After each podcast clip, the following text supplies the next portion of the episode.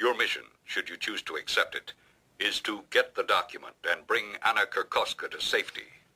As always, should you or any member of your IM force be caught or killed, the Secretary will disavow any knowledge of your actions. This tape will self-destruct in five seconds.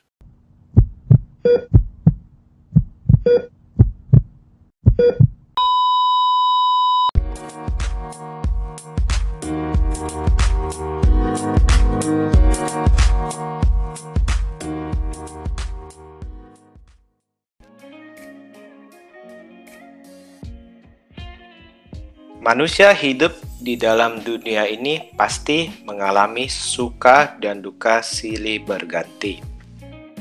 Masalah demi masalah pasti datang dan mewarnai hidup kita.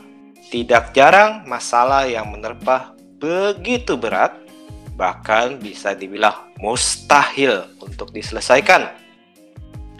Namun, sering kali ternyata ada orang-orang di sekitar kita, baik itu keluarga, sahabat, atau rekan kerja, yang membantu kita untuk keluar dari permasalahan yang mustahil tersebut. Hey, hey, hey! Selamat bergabung kembali di channel BB69. Apa kabar nih Sobat BB69? Gimana kabar kalian setelah mulai masuk ke fase baru the new normal? Semoga semuanya berjalan baik ya. Pada episode hari ini kita akan membahas sebuah saga film yang sudah terkenal di seluruh pelosok dunia. Sebuah saga mengenai tim agen rahasia pemerintah yang dimulai dari serial televisi yang dibuat dan diproduseri oleh Bruce Geller. Serial itu sendiri awalnya mengudara di bulan September 1966 sampai Maret 1973 dan kemudian dibangkitkan kembali untuk dua musim di tahun 1988 sampai pada akhirnya pada tahun 1996 serial ini diangkat menjadi layar lebar yang sampai sekarang masih melanjutkan aksinya, menancapkan taringnya di dunia perfilman aksi. Nah, sekarang sudah bergabung dengan saya nih, seorang teman Kongko atau Teko BB69, Mas Gugus, admin dari GRR Film dan Gugus Podcast. Halo. Halo, bagaimana kabarnya Mas BB? Masih luar biasa. Kemarin baru reunian nih membahas Avatar The Last Airbender bukan. Wah bukan dong. Apa James Cameron dong? Tetap tetap di bawah-bawah ya. Iya. Yang selalu jadi perdebatan kalau ngomong Avatar kan orang koneknya pasti ke Mas Airbender Oke oke oke. Eh, pada kesempatan hari ini nih kita kan lagi di dalam segmen Crash Boom Bang nih dan Mas Gugus memilih untuk film saga Mission Impossible. Kenapa nih? Mission Impossible uh, menarik karena sebenarnya memang sih filmnya tuh berawal dari uh, tahun 66 ya kalau nggak salah ya itu dari seriesnya si Bruce Geller. Nah terus sebenarnya gue sendiri itu bangganya karena film ini kan dibintangi oleh Tom Cruise kan yang mana Tom Cruise itu dalam proses pembuatannya nggak banyak memakai stuntman gitu. Jadi dia dedicated ba banget dengan filmnya uh, Mission Impossible. Jadi itu yang gue suka. Terus yang gue suka sosok Ethan Hunt ini jadi kalau gue lihat Ethan Hunt versus James Bond ya kalau sosok Ethan Hunt ini kayak kalau James Bond ini kan kayak dia itu tuh kayak cowok yang kayaknya tuh nggak begitu setia dengan pasangannya kan. Nah kalau si Ethan Hunt ini dia setia dengan pasangannya. Itu yang menurut gue tuh menarik sih. Nah pertama kali menonton saga Mission Impossible itu kapan ya? Kalau serial gue malah belum nonton filmnya tapi kalau gue itu nonton saganya itu kalau nggak salah pertama kali tahun 2006 sih Mission Impossible 3 yang si apa namanya JJ Abrams. Dan menurut gue tuh Mission Impossible paling keren sih sejauh ini paling keren secara action ya, secara cerita. Tapi secara action, J.J. Abrams yang tahun 2006 nih memorable banget. Dan ini film pertama yang gue tonton. Dan berkesan. Dan berkesan. Secara actionnya gitu. Maksudnya secara crash boomingnya itu sangat luar biasa sih. Dan ini kan menjadi salah satu film-film awalnya J.J. Abrams kan. Ya gue mengenal sosok JJ Abrams ini yang yang istilahnya kalau JJ Abrams bikin film action udah percayalah untuk efek-efek exploitation boomnya itu luar biasa. Nah ini gue pertama kali ngelihatnya dari Mission Impossible 3 sih. Nah abis nonton Mission Impossible 3, lo apakah langsung nonton yang sebelumnya uh, satu dan dua atau lu oh, iya. nunggu empat lima enam dulu baru nonton yang satu dua? Enggak, gue abis nonton Mission Impossible 3, gue nonton yang satu dua dan yang gue menariknya lagi ternyata di film Mission Impossible 1 itu juga menurut gue melihat perspektif yang keren sih dari sebuah film action sih. Karena di film Mission Impossible yang pertama tuh yang bikinan permainannya uh, Brian De Palma itu sebenarnya secara martial art fighting istilahnya jotos-jotosannya tuh sebenarnya nggak terlalu banyak. Tapi bagaimana Mission Impossible yang pertama bercerita tuh detail ceritanya sampai dia masuk ke dalam satu istilahnya tuh tempatnya musuh itu menurut gua detail banget gitu. Jadi kayak kucing-kucingannya tuh detail. Jadi satu bentuk film action yang nggak terlalu action tapi seru sepanjang film gitu. Karena kucing-kucingannya sih menurut gua ya. Nah itu menurut gua menarik gitu. Jadi gua ngeliat Mission Impossible 3 yang bombastis itu keren. Pas gua ngeliat Mission Impossible pertama itu ternyata keren juga gitu. Bukan dari bombastisnya tapi emang dari cerita kucing-kucingannya dia si Ethan Hunt sama penjahatnya menurut gua uh, cukup keren sih. Itu sih. For your information aja nih pada hmm. serialnya tim EMF ini awalnya kan dipimpin oleh Dan Briggs, kemudian digantikan oleh Jim Phelps. Ternyata di film layar lebarnya tuh yang tadi Mission Impossible yang pertama itu yang di hmm. sutradari Alo Brian De Palma ya ini sangat berani nih. Dan jujur aja sangat sebenarnya itu cukup membuat saya shock sih. Kenapa? Karena saya ini cukup melekat pada film serialnya di mana si hmm. karakter Jimnya itu itu sangat mengayomi dari timnya. Ternyata di film layar lebarnya dibuat nih spoiler alert dibuat sebagai pengkhianat ya. Hmm. Ingat kan?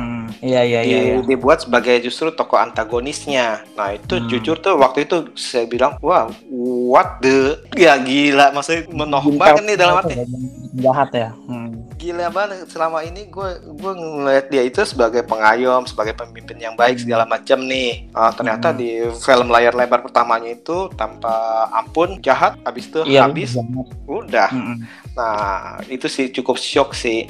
Dan untuk yang film pertamanya justru sih menurut saya itu cukup bagus. Kenapa? Karena masih timnya itu yang menjadi ciri khas daripada uh, serial Mission Impossible itu sendiri sebenarnya itu adalah teamworknya. Di mana yang pertama itu di iya dikasih lihat kan ya tim mm-hmm. teamworknya itu lebih kental daripada yang yang setelah-setelah itu sejak nomor 2, 3, 4 sampai sekarang ini sepertinya timnya itu seperti hanya tempelannya aja cuman yang baru-baru ini aja nih yang Fallout sama yang sebelumnya itu itu sudah mulai ada keterlibatan dari timnya masih lebih ini lebih bagus lagi mm-hmm. sedangkan yang kedua itu itu udah otomatis itu yang men- oh, yang paling iya. menonjolnya paling menonjolnya itu si Ethan Hunt ya si Ethan Hunt hmm. karena yang kedua itu kan kayaknya tuh 2000-an awal. Kalau film-film 2000-an awal tuh kayak menonjolkan tokoh utama yang kemudian beraksi, terus ada shot-shot keren gitu. Itu menurut iya. gue tahun 2000-an tuh gitu kebanyakan sih. Apalagi yang disutradarai oleh John Woo yang ke ciri khas apa actionnya itu benar-benar full aksi yang kadang-kadang hmm. itu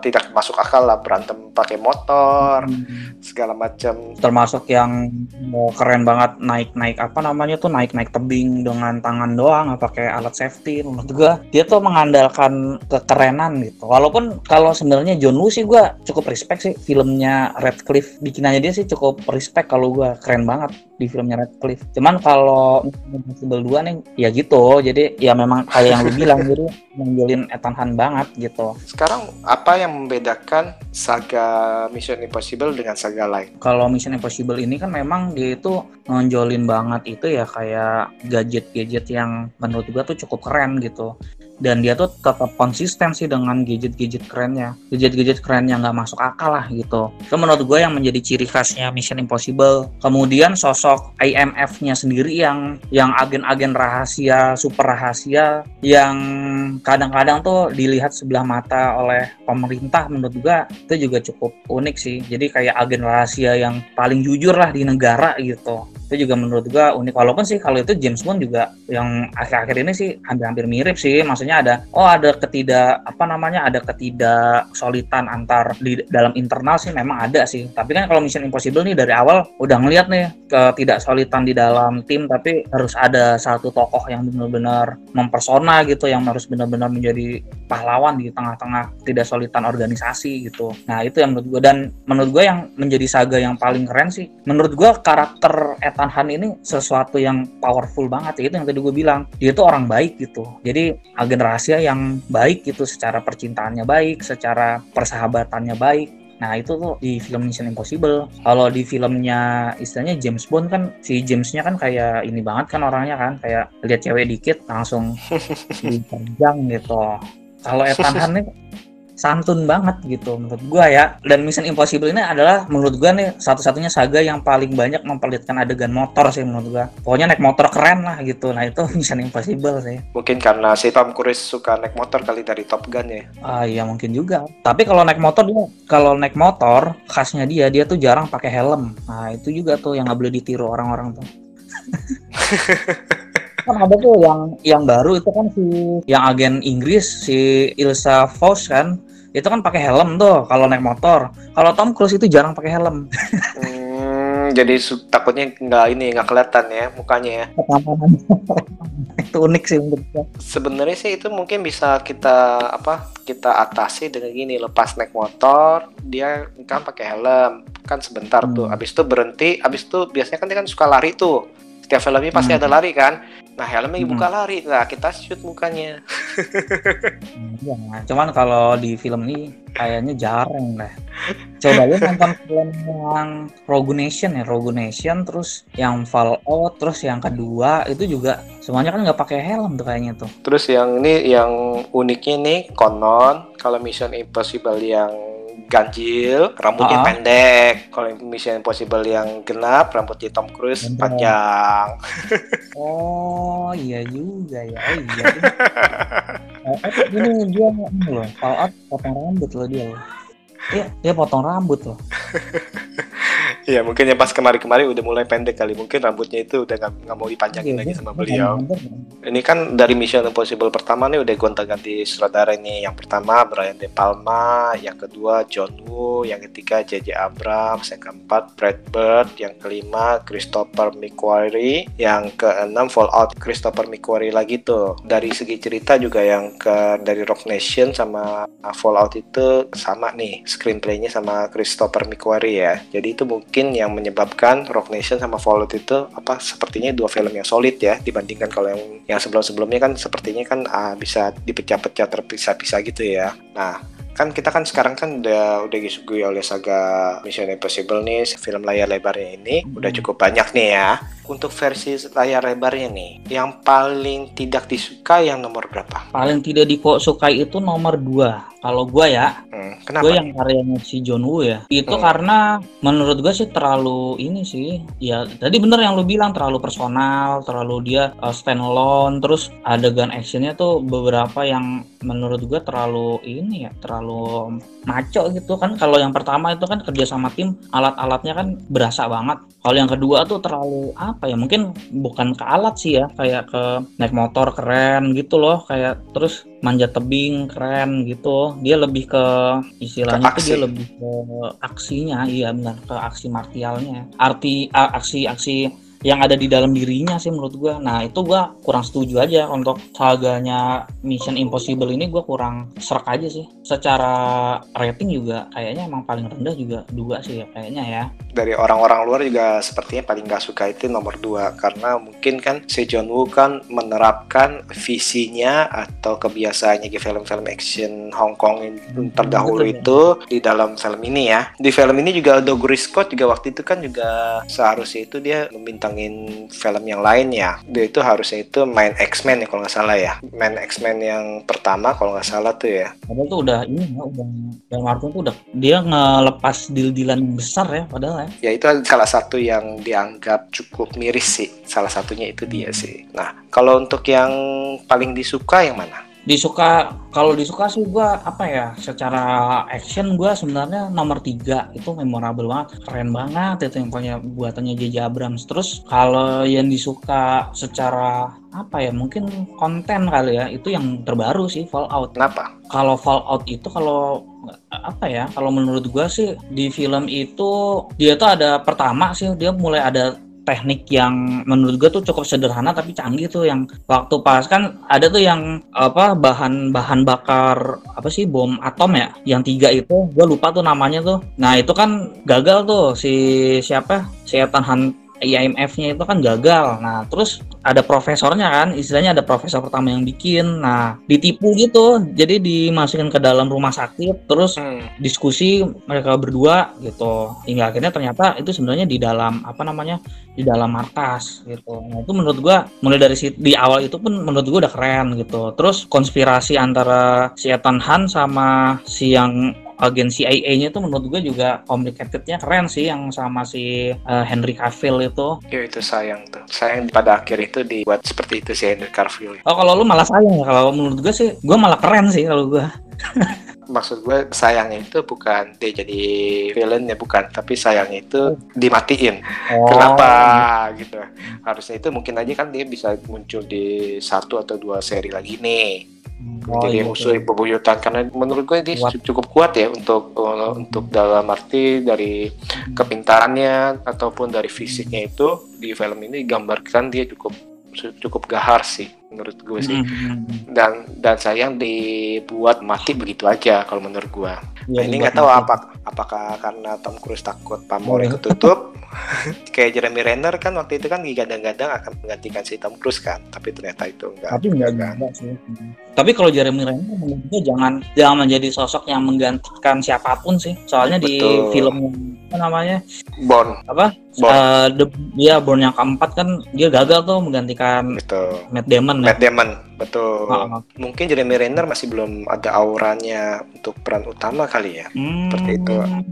Atau mungkin sutradaranya yang kurang kali atau gimana. Tapi bagus kok selama ada Jeremy Renner menurut gua, gue setuju-setuju aja gitu. betul karena dia kan bisa menjadi tektoknya dari si Tom Cruise ya Si Ah. Tom Cruise keren Ah. sih. Sebenarnya nih ya, sebenarnya untuk seri terbaik menurut gua ya dari Hmm. dari cerita ya, dari cerita itu Hmm. menurut gua Rogue Nation yang paling keren. Rogue Nation tuh solid banget. Menurut gua itu Kenapa? satu bentuk film yang menurut gua simpel tapi jadi kan si siapa Tom Cruise eh, si IMF kan salah satu anggota IMF itu kan dimasukin ke dalam kotak kaca tuh. Hmm. Nah, terus cara eksekusi si penjahatnya ya, si penjahatnya itu dibunuhnya tuh dengan masukin ke kotak kaca lagi. Menurut gua tuh unik aja dan beberapa action action kan Sean Harris ya, eh si Solomon Land ya. Nah, itu menurut gua efektif. Terus actionnya itu nggak terlalu brutal, maksudnya nggak terlalu lebay. Jadi eksekusi dialog-dialognya itu menurut gua efektif semua gitu. Akan tetapi gara-gara gue ekspektasinya Mission Impossible itu penuh dengan aksi, di situ yang di sisi lain menurut gue Rogue Nation tuh jadi kekurangan gitu. Jadi agak boring di seperdua terakhir kalau menurut gue sih. Walaupun efektif tapi agak boring menurut gue karena gue mengharapkan ya crash booming yang luar biasa gitu. Padahal itu kan di yang pertama juga kurang lebih kan itu kan sedikit aksi ya. sedikit aksi. Cuman yang pertama itu masih lebih masih lebih, Lebih keren seru. ya. Gue kayak masih lebih seru gitu. Kalau yang kelima apa karena baru? Mungkin kan dan yang pertama itu kan ya justru yang pas apa tuh yang dia menyelinap tuh yang pakai turun pakai tali tuh itu Iya. kan yang benar-benar dibuat dicontoh oleh semua film tuh diparodiin bahkan ya. Iya. Termasuk si Ant-Man kan ada gitu juga tuh nyolong apa gitu Betul, kan. nyolong Hmm. nyolong bajunya segala macam kan. Jadi eh, Rock Nation sama Fallout lah ya. sama Fallout sama yang ketiga sih kalau secara action ya secara seru-seruan gue paling seneng sih sebenarnya yang ketiga secara personal gue gue agak split sebenarnya Mission Impossible gue suka semuanya tapi tuh kayak gue sukanya tuh beda-beda gitu loh. Kalau action ketiga kalau mungkin cerita maksudnya kalau overall gue ke 6 karena karena mungkin dari pensolidan ceritanya oke terus actionnya juga juga banyak gitu. Terus di situ ada sedih-sedihnya gitu Hmm. Kalau yang kelima secara cerita gue suka banget, bagus banget, tapi actionnya jarang. Terus kalau yang satu gue sebenarnya suka banget, tapi ya gitu, apa namanya karena yang pertama terlalu sederhana, maksudnya solid, sederhana, kesolid dan sederhananya menurut gue unik, tapi belum menjadi yang tersuka lah gitu. Kalau yang kedua gue nggak begitu suka sih, gitu sih. Kalau yang keempat itu mungkin gue yang paling nggak suka kedua lah. Setelah yang nomor dua, yang nomor empat itu gue yang paling nggak suka yang kedua. Nah kalau dari overall uh, saga ini kekurangannya menurut menurut Mas Gugus apa? Kekurangannya menurut gue sih ini sih ceritanya formulatif ya wajar sih untuk semua film kayak beginian memang akan formulatif ya. Di situ yang menjadi kelebihan dan kekurangannya. Cuman ya gitu kebanyakan tuh masalah internal terus alat-alat gadgetnya belum ada yang mencengangkan sih menurut gue belum ada lagi yang mencengangkan selain perubahan wajah paling menurut gue yang paling keren ya perubahan wajah udah gitu aja yang teknologi paling aneh ya Oh, nomor empat sih ada yang keren tuh yang yang dia tuh pakai layar tuh kayak kain gitu. Hmm. Temen gue juga itu baru sih. Nah, itu itu inovasi yang baru. Cuman setelah dari situ kan kayaknya belum ada lagi tuh hmm. yang sebaru itu gitu menurut gue ya. Padahal perubahan wajah itu udah ada sejak serial hmm. 1966 itu. Oh, itu dari 66 tuh udah ada ya, gue soalnya kan udah ada. Gak, jadi kayak pakai topeng muka karet gitu dibuka selalu ada yang kayak gitu tuh yang serunya justru yang sekarang ini mungkin mereka harus lebih mikir lagi teknologi apa aja nih yang, iya, yang harus mereka gitu. kembangin. Biar kembangin apa gitu kan something apa yang aneh keren dan nggak kepikiran gitu menurut gua. Tapi kalau yang tahun 66 gimana tuh? Teknologinya kan gak sekeren. Maksudnya visual efeknya kan apa pakai apa gitu. zaman itu sih keren pakai apa tuh dia? Macam-macam ya gue sih agak lupa sih. Tapi itu pada hmm. zamannya itu cukup keren segala macam tuh uh, teknologi-teknologi itu hampir sama kayak James Bond lah yang yang aneh-aneh gitu ya. Tapi yang paling hmm. yang paling ciri khasnya itu dari Mission Impossible dari dulu itu adalah topengnya itu. Jadi mereka itu buka topeng yeah. nyamar. Jadi nyamar nyamar hmm. ternyata mereka nyamar itu sih. Nah mungkin yang zaman sekarang ini mereka harus lebih mikir gimana caranya nih uh, teknologi yeah. apa lagi nih tapi jangan sampai mirip kayak James Bond nah itu kan jadi kan mereka kan iya. agak-agak bingung juga nih kalau menurut hmm. saya sih kekurangan dari saga ini harusnya mungkin harus lebih berani kerja sama tim ya jadi uh, setidaknya itu oh, hmm. Ethan Hunt itu jangan terlalu menonjol sih sekarang sih kalau menurut gue sih karena uh, IMF itu kerja sama tim sih sebenarnya sih walaupun ada yang menonjol tapi sebagian itu teamworknya itu lebih lebih mulai dinaikin hmm. tapi yang sekarang yang yang terbaru juga udah mulai sih. Udah, udah oke okay sih. Kayak Simon Peck juga screen time-nya kan lebih banyak. Seperti itu sih. Kalau iya sih. Kalau James Bond itu kan jelas ya maksudnya James Bond gitu. Maksudnya secara judul cerita tuh personal gitu James Bond gitu. Bukan hmm. organisasi uh, apa namanya M MI6 gitu. Tapi kan betul kan kalau apa namanya kalau Mission Impossible kan Mission yeah, Impossible gitu tulisannya harusnya mungkin hmm. nggak hmm. harus selalu Ethan Hunt tapi ya memang kayaknya sih memang itu sih project personalnya istilahnya tuh kayak narsistiknya Tom Cruise sih menurut gue karena produser di juga dia kan kalau nggak salah mm -mm, mm -mm. ya ini hampir sama kayak Vin Diesel di Fast and Furious gimana The Rock iya. masuk merasa terancam hmm. mungkin seperti itu tapi sih overall sih yang Mission Impossible oh, udah cukup berkembang sih dalam arti dalam pembagian pembagian perannya itu waktunya itu cukup hmm. oke okay. Nah, hmm. kalau untuk Mas Gugus ada pesan apa yang secara keseluruhan Mas Gugus bisa tarik dalam film? Oh, pesan-pesannya yang gua ambil sih ya bahwa kalau gue pikir sih di dunia in real life-nya ini juga ada sih maksud gue. Jadi du, apa namanya kita itu hidup mungkin ya mungkin itu seperti ini gunung yang ada di dalam apa namanya gunung es yang ada di dalam lautan gitu. Maksud gue tuh gini, hmm. mungkin kita itu menjalani kehidupan, menjalani kenyataan yang ada di media itu tuh sebenarnya yang kita lihat tuh cuman puncak gunung doang gitu. Kita nggak ngeliat tuh ada orang-orang yang seperti apa yang yang di dalam yang di dalam air gunungnya kan kalau di dalam teorinya gunung es yang ada di lautan kan kita ngeliatnya eh gunung kecil puncaknya hmm. kecil padahal di bawahnya tuh gede gitu kan si gunungnya tuh hmm. gede gitu. Dari film ini kita bisa ngeliat bahwa mungkin saja tuh uh, dunia-dunia spy gitu kan agent gitu itu in real life ada. Bahkan mungkin keren juga alat-alatnya kita nggak tahu. Dan bahkan teknik-teknik pertempurannya tuh keren. Tapi memang ya namanya agent kan diam-diam gitu nggak kelihatan media bisa jadi sebenarnya tuh ada gitu menurut gua. Itu pesan yang menarik sih gitu. Kadang kita di hidup kita cuma ngelihat apa namanya luarnya doang lihat yang ada di media lihat yang ada di sekitar teman kita. Padahal ketika kita tidur atau ketika kita di informasi yang benar-benar nggak ada in real life di dunia ini ada agent-agent seperti Ethan Hunt ini gitu menurut gua. Karena gua ya misalnya kalau kita kalau gua sih kalau misalnya lagi lebaran atau apa kalau lagi ramen sama teman-teman gua yang kebetulan itu misalnya secara pekerjaan tuh kayak mungkin ada yang bin gitu atau uh, hmm. mungkin ada yang sosok apa Intel. namanya? Intel atau ada yang mungkin gue punya saudara jauh yang kayak tapi apa buka, sih bukan kartel ya. Intel tapi bukan kartel ya. Bukan dong Tapi kartel bisa deh jahat banget.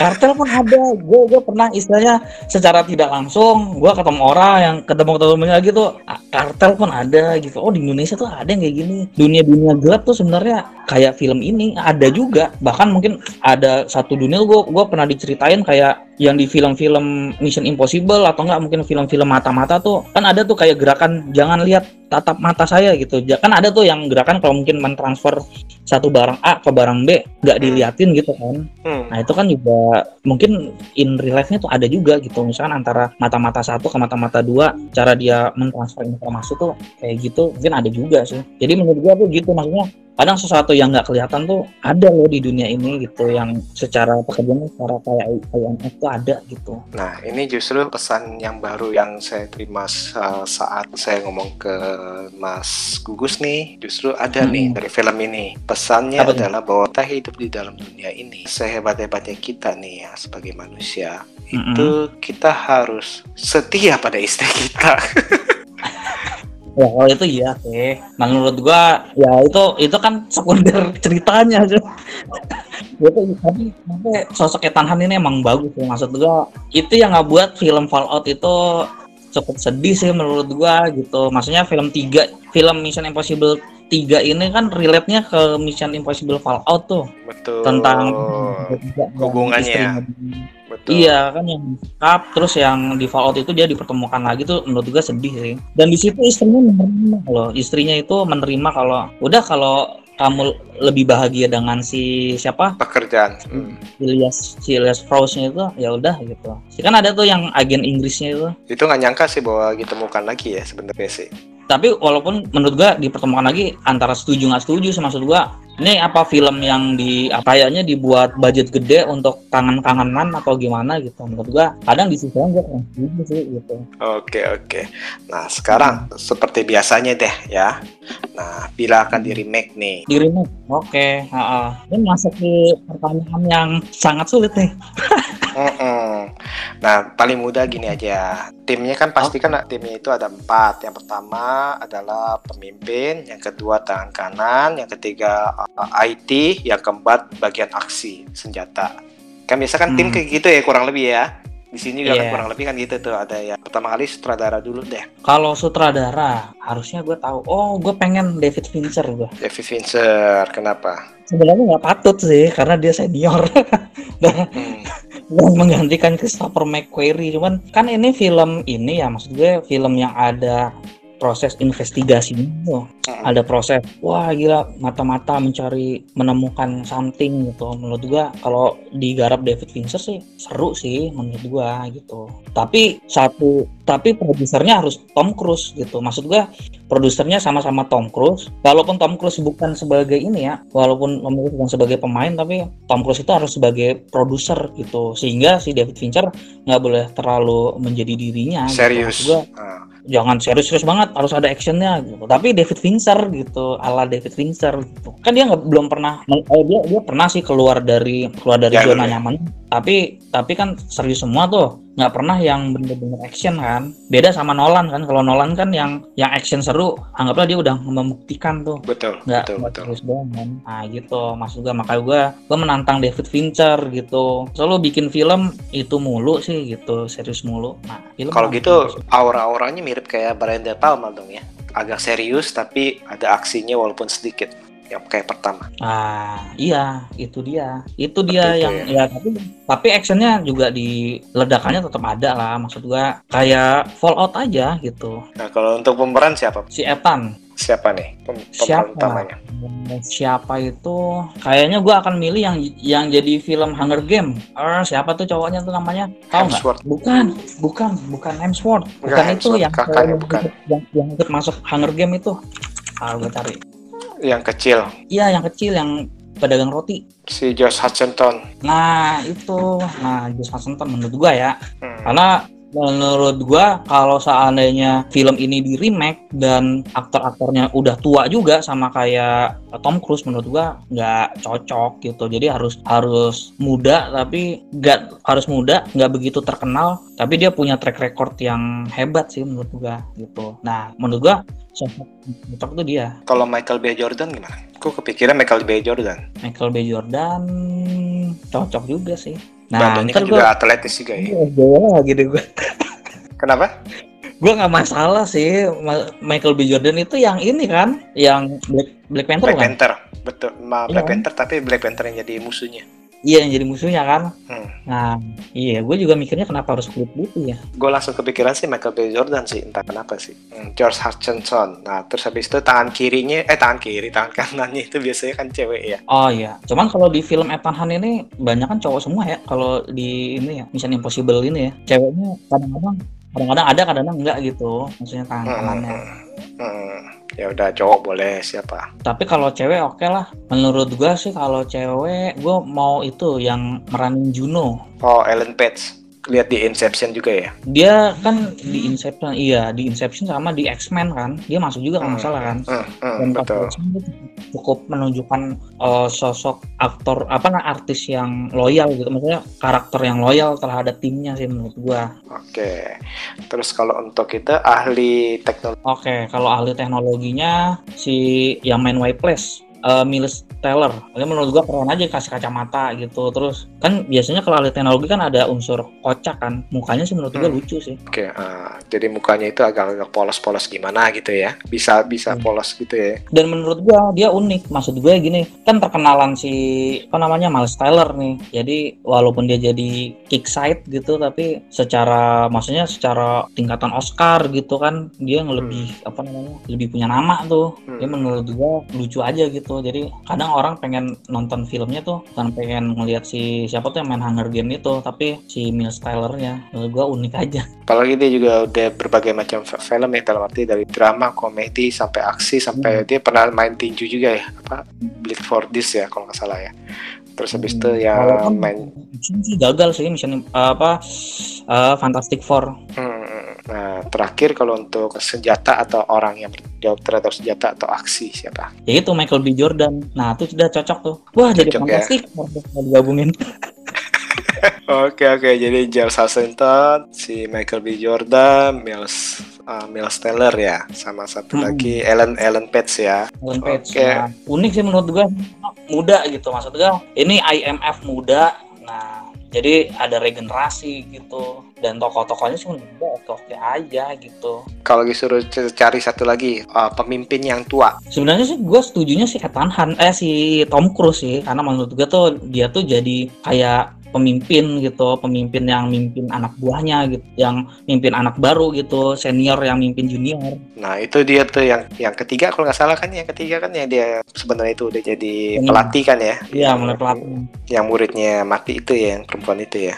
Cuman iya cuman endingnya kemudian kan dia kayak apa ya entah stres atau apa kan gara-gara ceweknya disekap gitu kan. Malah dia jadi turun tangan lagi sampai sekarang kan kayak gitu. Sayang sih. Cuman ya Sayang. menurut gua kalau Tom Cruise itu dia muncul dia sedikit-sedikit aja munculnya. Jadi Hmm. orang tuh ngeliatin anak-anak muda terus eh ternyata si bosnya Tom Cruise gitu. Tapi cuma semenit dua menit aja gitu. Atau sama kayak film Creed lah ya, Stallone ya itu kayak udah mulai. Hmm, kalau Creed kan masih banyak tuh Mm-mm. Silver Star-nya masih banyak menurut gua kayak film G.I. Joe aja si Bruce Willis nongol terakhir Sebentar. iya Tapi sepertinya sih selama masih laku ya pasti dia dan selama dia masih bisa lari, lompat-lompat dan Hmm. misalnya nah ini empat dia res- respectable karena dia itu jarang pakai stuntman nah di film Fallout itu ya waktu pas dia lompat gedung tuh dia sempat patah Hmm. tulang tuh dan itu yang ngebantu yang ngebuat gue sama ya maksudnya GRR film tuh langsung review Mission Impossible Fallout itu. Sebenarnya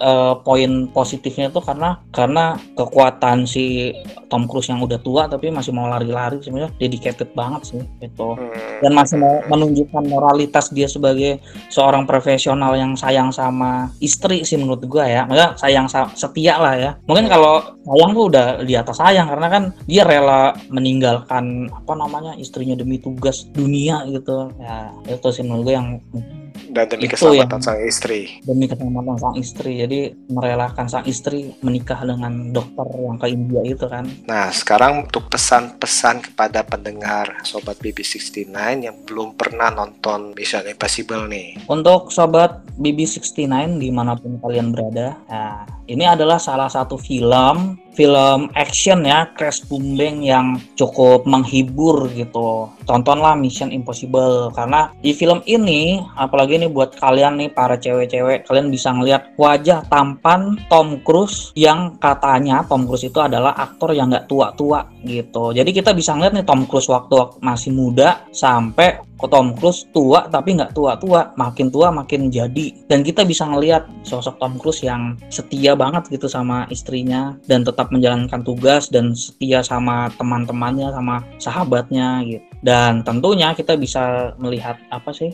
action yang luar biasa. Sebenarnya gue punya satu pertanyaan sih, Mas Hmm. Bebe. Hmm. Nah, karena gue nanya, gue nanya lu nih, kira-kira nih teknologi apa yang nggak ada di Mission Impossible yang mau lu adain? Gue sih lebih mikir sih yang belum dibuat di ini adalah misi keluar angkasa. Sekarang kan emang lagi zamannya ini Traveling. di Amerika bukan hanya Iya. traveling tapi keamanan di luar angkasa itu. Space Force itu kan yang salah satu uh, komedi itu itu sebenarnya itu kan terinspirasi dari kejadian-kejadian yang lagi hangat juga nih. Karena uh, kita lihat aja sekarang kan uh, dunia negara-negara itu sudah bersaing di dunia. Sekarang ini bakalan bersaing di luar angkasa tadi itu menurut gue itu bukan mungkin bukan bohongan kali itu ya. Kita cuma nggak tahu aja nih. Nah, gimana Hmm. nih saga ini mulai mainnya keluar angkasa nih? Ternyata itu satelitnya apa jadi dia harus uh, dikirim ke sana tuh. Gimana tuh? Mungkin Iya. yang mungkin yang muda-muda nih di Jordan ya, ti- timnya lu tuh Ellen Page segala macam itu dikirim oleh Tom Cruise. Iya. sana silakan. Uh, Hmm. untuk melewati itu. Nah, seperti itu sih. Kalau gue sih kepikiran sih emang sih kesannya konyol tapi kalau menurut gue Tapi juga Udah ya, maksudnya udah saatnya ya. Ide Iya, udah nggak- sama. udah nggak konyol sih karena uh, sekarang ini udah persaingan kok udah udah terang-terangan kok mereka persaingan di keluar angkasa Amerika udah keluar angkasa Cina udah keluar angkasa segala macem keluar angkasa sih dan kalau dominasinya ya sekarang ini ya luar biasa tim permain pembajakan satelit segala macam kan kita kan nggak tahu kan Iya iya iya. Tapi Kalau- mungkin ya bisa jadi harusnya Mission Impossible tuh ada tuh melakukan premis cerita yang kontennya tuh terkait tentang persaingan luar angkasa gitu. Mungkin konspirasi apa yang yang di situ tuh ada tuh tentang luar angkasanya gitu. Ya sebegitu Mm-mm. sih dan itu cukup menarik sih. Dan nanti jangan bayangin yang keluar laser tembak laser tembak laser kayak Star Wars atau Star Trek nggak usah itulah. Sekarang juga gue rasa juga kalau ditelusuri mungkin masuk akal sih menurut gue sih itu. Hmm, bahkan kan tuh ada tuh konspirasi yang luar angkasa juga. Jadi dia dengan frekuensi tinggi dia bisa mengendalikan ini kayak cuaca gitu. Hmm, hmm. dan itu nggak bohong. cuaca season mau season apa itu yang buat manusia gitu bukan Tuhan lagi. Maksudnya maksud gue tuh teknologinya bisa sampai sekeren itu gitu. Pakai yang hack frekuensi gitu namanya tuh. Ya ya why not sebenarnya kenapa kenapa enggak? Karena itu manusia eh, makin lama kan makin penasaran tuh makin tanda kutip ingin menjadi ingin menjadi Tuhan lah ya. Sebenarnya itu kan salah. Ya akhirnya kan pasti menyimpang. Hmm. Nah pasti kan untuk untuk itu kan pasti kan mereka kan akan men- menguji coba, menguji coba kan akhirnya itu kan harus mengorbankan mengorbankan beberapa pihak kan, bener kan? Hmm, hmm. Nah akhirnya itu jadi tokoh antagonis, jadi villain, ya kan? iya jadi kan. Gila. Iya, betul. Saya dari satu negara mempunyai eh, bisa eh, menciptakan eh, teknologi eh, cuaca yang paling panas atau paling dingin. Nggak mungkin saya Hmm. mencoba di negara saya. Saya pasti akan mencoba di negara orang lain. Nah itu kan Hmm. jadi villain tuh, ya kan? Mantap, kalau itu sih kalau uh, kalau menurut gue sih itu sih. Kenapa nggak menelusuri luar angkasa sih? Dan itu uh, nggak nggak usah mikir-mikir oh, te- oh luar angkasa nanti tembakannya laser dong gini. Enggak nggak perlu. Hmm. belum tentu belum tentu laser. Kita kan bisa main yang yang yang nyata-nyata apa ya mungkin itu tembakan angin nggak tahu kan di sana pakainya apa seperti itu Tapi kan udara cuy, harusnya nggak ada suara cuy. Star Wars itu harusnya Iya. nggak ada suara. Kan iya nggak ada, nggak ada ini, nggak ada angin, masa ada cung cung cung gitu. Kan kagak ada suaranya. Di luar angkasa kan ya udah diem aja gitu, sepi aja. ya mungkin itu salah sa- salah satu yang mereka nggak mau nih misalnya bisa keluar angkasa ya nanti nggak kalau meledak-meledak nanti diomelin sama orang yang terlalu setia terhadap membumi science ledakannya Repot kok harusnya kan nggak ada api. Nah itu repot juga ya. Kira udahlah daripada itu. Oke deh oke. Terima kasih banget nih Mas Gugus untuk menjadi teman Koko BB69 episode di segmen Crash Boom Bang nih pada hari ini nih. Oke. kalau misalkan kalau ingin men- podcast atau ingin uh, melihat-lihat informasi film ke mana nih Mas Gugus Kalau mau ngelihat eh, apa namanya podcast gua ke Gugus Podcast di Spotify atau di eh, Anchor ya atau di Apple Podcast ya. Nah, itu juga bisa atau kalau mau ngelihat Instagram gua sama temen gua itu di GRR Films. Dan jangan lupa lah ya selalu ikutin BB69 ini adalah podcaster terproduktif yoi. podcaster terproduktif dan dia bahkan punya apa namanya a- eh, apa namanya eh, alter ego ya Papa Kalong asik. Oke oke oke. Terima kasih ya Mas Gugus ya untuk jadi tamu Thank kita hari ini. Nanti jangan bosan-bosannya nih jadi tamu BB69 lagi ya. Yoi. Oke, untuk sobat BB69 jangan lupa mendengarkan episode-episode selanjutnya yang tentunya dengan uh, tema film yang berbeda pula. Oke, Oke. terima kasih dan see you. You.